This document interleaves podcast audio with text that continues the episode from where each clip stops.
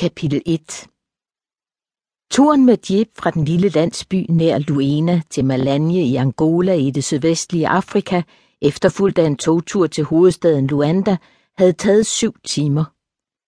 Køreturen var lang og besværlig på grund af de mange landminer i området, som krævede ekstrem forsigtighed at styre udenom.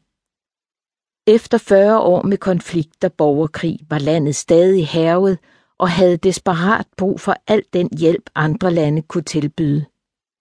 Det var årsagen til, at Jenny Carter havde været der som udsendt for SOS Human Rights. SOS Human Rights var en privat organisation med base i New York, som sendte medarbejdere ud i hele verden for at fremme menneskerettigheder. Hendes opgave var typisk af to til tre måneders varighed på en bestemt lokation, og nogle gange længere. Hun blev sendt ud som en del af et støtteteam, der satte ind, når der enten blev brudt eller sået tvivl om menneskerettigheder det pågældende sted.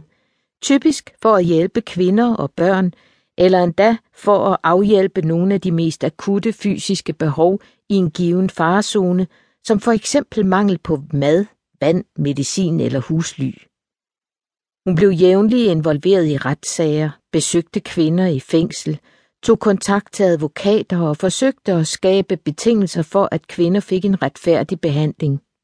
SOS var en ansvarlig organisation, som passede godt på sine ansatte, men arbejdet var til tider farligt.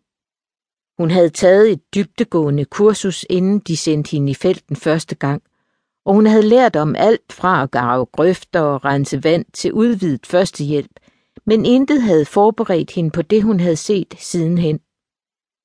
Hun havde lært meget om menneskers grusomhed mod andre mennesker og om folks situation i ulande og nationer i vækst, siden hun var begyndt at arbejde for SOS Human Rights. Da Jenny gik igennem tollen i JFK-lufthavnen i New York, havde hun rejst i 27 timer. Først med fly fra Luanda til London, efterfulgt af fire timers ventetid i Heathrow før flyveturen til New York. Hun var klædt i jeans, vandrestøvler og en stor tyk armigrøn pakkejakke, og hendes lyse hår var sat lidt tjusket op med en elastik, efter at hun var vågnet op på flyet lige inden de landede. Hun havde været i Afrika i fire måneder, siden august, hvilket var længere end sædvanligt, og det var den 22. december, da hun ankom til New York. Hun havde håbet på at være blevet sendt ud på en ny opgave med det samme, men hendes forflyttelse var ikke nået frem til dem i tide. Jenny havde forsøgt at planlægge det sådan, at hun ikke var hjemme på det tidspunkt, men det var alligevel endt med, at hun skulle holde jul alene i byen.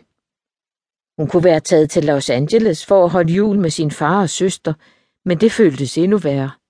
Det var næsten tre år siden, hun forlod L.A., og hun havde ingen trang til at vende tilbage til den by, hvor hun var vokset op. Siden hun forlod L.A., havde hun, ifølge hende selv, levede et nomadeliv som udsendt for SOS Human Rights.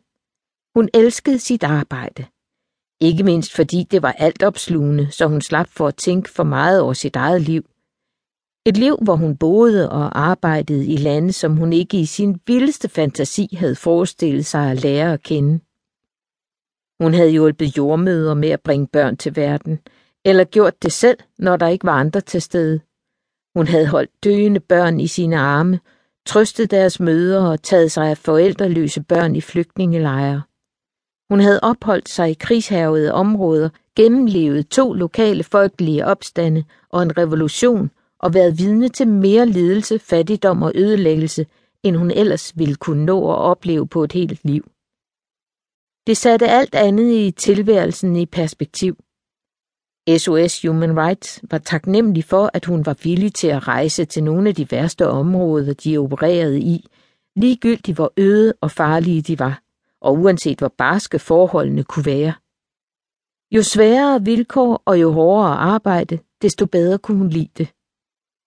At hun udsatte sig selv for potentiel fare, var hende ligegyldig.